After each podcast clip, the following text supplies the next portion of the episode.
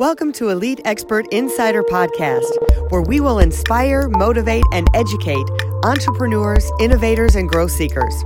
Brought to you by Elite Online Publishing, making the best and brightest in the industry number one best selling authors.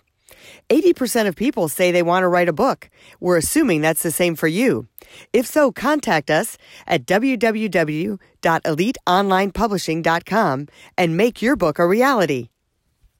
Hi, Melanie Johnson with Jen Foster back for another great podcast. How you doing, Jen? Doing great. Thanks. How's everyone today?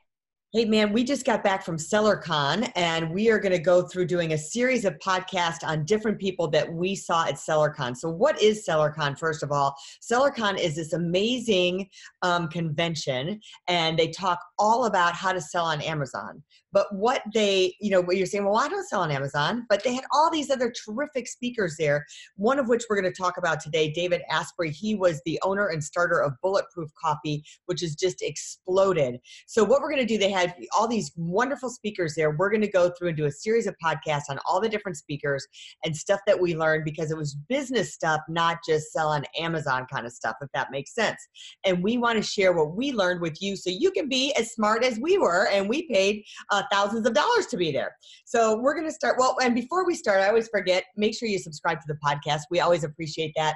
Um, then you'll get notifications of all this great content that's coming up that educates you, motivates you, inspires you, and makes you more successful. So, Jen, what were some of your big um, takeaways from the owner and starter of Bulletproof Coffee, David Asprey? Well, you know, I have heard of Bulletproof Coffee now for a couple years, almost three maybe, and mm-hmm. I didn't know his story. Like, I didn't know, I'd heard him speak before, but I didn't really know how it all came about. And I just thought it was really interesting. My my first big takeaway was, you know, he he was he wasn't looking for something new. All he was looking for was something that would give him more energy. And he was actually hiking and he didn't have any energy at all. It was after a really long day, and he was just wiped out. And one of the little ladies, when he was um, hiking in, I forgot where the Alps, maybe I can't remember, somewhere in another country. You'll have to go look up his story. But they, she gave him some yak butter tea. And he thought it was kind of weird. He was like, "What is yak butter tea? Like, oh, what's this going to be?" And it was really delicious. And instantly, he had energy he felt good he wasn't sick he you know even with a high elevation he just felt great. And so he took that feeling and researched it further and understood everything that goes into this and that's how the idea of bulletproof coffee and why you put butter in your coffee came about. So i just thought that was a huge thing you know he wasn't looking for anything huge and now he has this major company around yeah. it yeah, he was saying that it um, gave him clarity in his brain. He couldn't be, he was in this high altitude where you get kind of foggy, and his brain got so clear. And uh, they had samples there, Bulletproof Coffee. And Jen and I have been to other conventions where Bulletproof, when they were starting out, like you say, three to five years ago, they were giving us samples, and we're like, what's this? Butter in your coffee thing? Um, but it really is very good. So, one of the things I was learning about him, he was saying in his, well, in his business too, part of his story was that he lost, th- he was 300 pounds, and now he's fit fit as a fiddle. So his whole aspiration is how to be um, really fit, how to maximize your clarity in your brain, your energy, and live long, but have like a great life. Um, so in his business, he was saying to be consistent, be always innovative, and see a problem and fix it. So I think that is really good. Like you always have to be curious and have new innovation and see when you see a problem, fix it. And that was one of the reasons Jen and I went to this conference was because we want to stay innovative. You know, what's new on the market? Things are changing so fast in any business that you're in. Even if you're a mom, stuff with your kids is changing so fast. So to stay on top of that, I think it's always important to be innovative. And when you see something that's not working, to look at technology, look what's available, and try and fix it right away versus uh, if they just ignore it for a while, it'll go away. And it never goes away. Like, right. you know, I've ignored problems, but I don't want to deal with that. I'm just going to ignore it. But it's still there and you still got to deal right. with it. Right. Well, and one of my biggest takeaways from him too was he he had the three F's, which were really good. I mean, yeah. um, about fear, you know, flight, fight, flight, fight, or freeze. Is that what it is? no, sure. it's, that, it's that F word that you know is not yeah. allowed on TV. Only right. it's that free. Uh, you know, right. the the the one with the F, the asterisk, and the C. Yeah. yeah. So he talked about three different three different F's: the fear, and then the famine, and then the last one was yeah, the one you're not supposed to say. Fear, I think fear, feed, and then yeah, the and then he used to said it's um uh, uh procrastination. That last F is procrastination. Yeah. Yeah yeah but but i think one of the biggest takeaways for me is he talked a lot about moving and you know a lot of you know bulletproof actually has a big uh, um, diet now surrounding or surrounding it where you're you know whether it's keto or whatever you want to call it i mean you can look it up and he'll it, it goes through you know all of his um, systems of how he lost his weight with not just by drinking the bulletproof coffee but by making sure he exercises every day not mm. 60 minutes in the gym six days a week nothing like that. He said just make sure right when you wake up that you're moving. Do make sure you get those 10,000 steps in a day. Do a, mor- a morning walk a night walk and then get those 15 minutes you know he was saying even just 15 minutes a week of hardcore a uh, workout where you're actually you know like the the what do they call it tabata or the fast workouts where you work out for 30 to 90 seconds and then you rest for 30 seconds and you work out really hard or the, or the, interval. they call it tabata or interval. But he said doing stuff like that at least just once a week and then making sure you're active and moving is going to help you. But of course eating is the number one. So getting yeah. on the right schedules of eating and getting on um, making sure the foods that you're putting into your body are not processed all of those kind of things and he talked a lot about about food and a lot about exercise. Yeah and it's how you feel you know it's paying attention to when you eat how does it make you feel? So many times we're throwing stuff in our mouth and then continuing on our busy day and we're not thinking about how we feel and one of the points he made he said so if you're waking up and you're thinking man i just feel like i'm sluggish today. What's wrong with me? Is it this or that i, I never really thought about well what did i eat the night before like hmm. what did i put into my body in the last 24 hours? Because that's what's really affecting you. What did i eat or drink? Um, so think about that and um, you know that direct impact um, how that can be. So um, that was one of my big things. And the other thing i think that uh, i had in my notes and you may have this too is his law 44 was all about gratitude. Did yeah. you did you have a bunch of stuff about that too yeah, and well, and he was saying, you know, that what we've always heard all the time is your mental matters. What you think about matters, and your gratitude. If you're if you're feeling any emotion, you can change that emotion by having gratitude.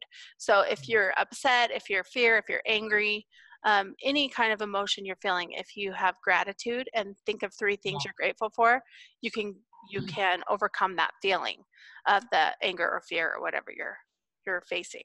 Yeah. I had down here, so he's like for every day, like the three things to do is what you're grateful for. Like, what were your wins today? So write down, and we do a journal on this actually. If you want to look it up, we've got a um, a lot of our journals have these in here. So, what were your wins for that day? Something you failed at that day.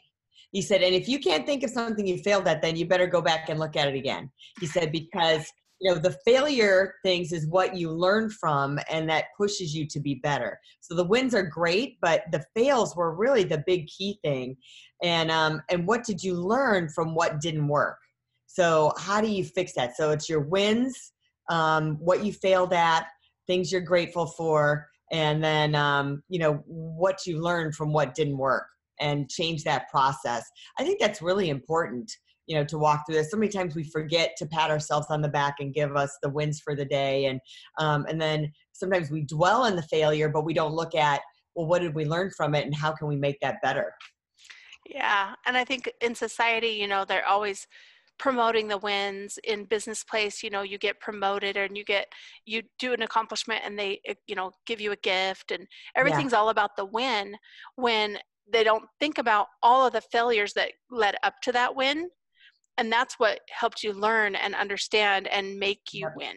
So that's why it's so important to identify the failures of the day so that you can wake up the next day because it's a new day and you can learn from those mistakes and go, and then go on to your win whether it's a goal you're trying to reach or or even just winning by you know eating the right foods that day instead of eating your donut or whatever you know whatever your, yeah, your thing is that, that right you go choice. to.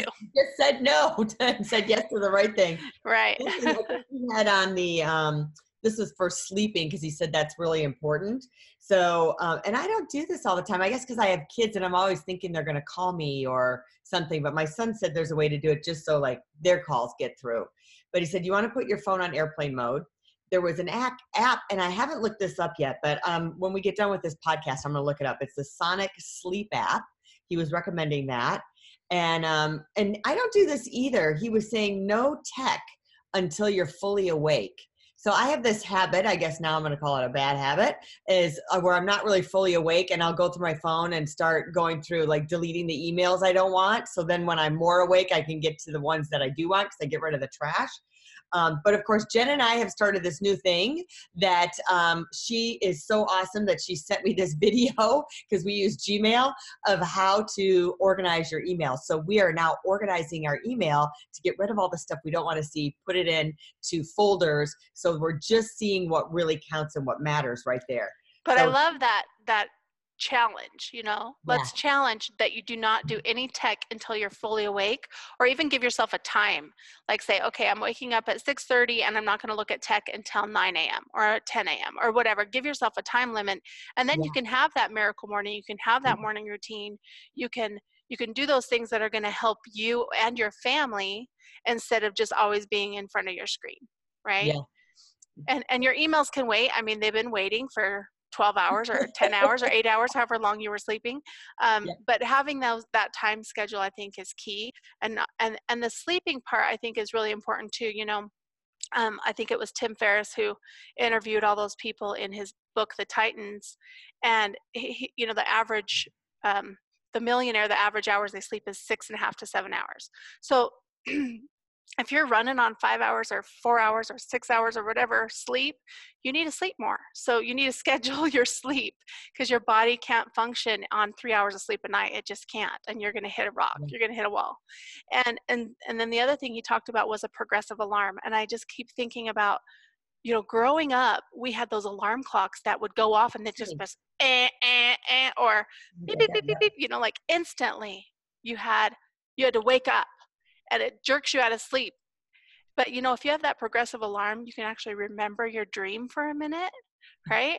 And you can actually wake up in a mm. normal wake and then you can think about your dream whether it was a good dream or bad dream you can think about it for a minute and then you can wake up get up do your morning routine which is so opposite of when you have to wake up and you're startled yeah you don't remember what you were dreaming and you have to rush and you feel you know yeah, you're like from one extreme to the other. Like you're in darkness, right. also like ah, it's like someone turning the lights on when you're dog. You're like no, exactly. Right? Versus if so, the lights gently go up. Yeah, so I think that's really important. Make sure you have a progressive alarm if you are waking up to an alarm. Um, and there's tons of different ringtones on your phones if you're using your phone or mm-hmm. Google if you're using the Google Home or the Alexa uh, Alexa to wake you up. The, the the dot or the echo. Just make sure you're using a progressive alarm. Yeah, I'm definitely going to tell my kids to do that because my I have one that keeps hitting the snooze button, and maybe if he uses the progressive alarm, he won't do that. And the last thing I have in my notes from his speech was to go outside for 20 minutes, um, and I think he said no sunscreen, just no, and no vitamin glasses. And no and glasses. no glasses. Yeah. So really getting that vitamin D and getting the sun. He said that will help you sleep a lot more. And so many people are not outside in the sun. Um, but he was saying like I, I I got the gist that if it was a cloudy day, it wasn't as effective as if it was a sunny day. Right. It's it's meant to be to be in the sun or even to ground yourself. So take your shoes off, walk around in your garden on your lawn um, get some sun you know especially with technology today we're, we're in, behind our computers or in the office or i mean even if you're driving you have the wind you know you have your your windows that are protecting you from vitamin d so yeah open that sunroof and get some sun in Yeah. And hey, so what we're going to do is um, we're going to put some in the chat or in the comments. Jen will put the links to where you can find some of our journals that have where you can write down what you're grateful for and success and wins. So you can find those. And uh, I hope you got a lot out of this. This has reminded me like I need to go back and do some of these things. So um, it's always good to learn something, write it down, and then teach it. Then it really gets into your nervous system. So thanks for joining us today. And uh, remember, we're sponsored by Elite Online Publishing, which is the company that Jen and I own and we make our authors bestsellers and teach them how to use their book for their business.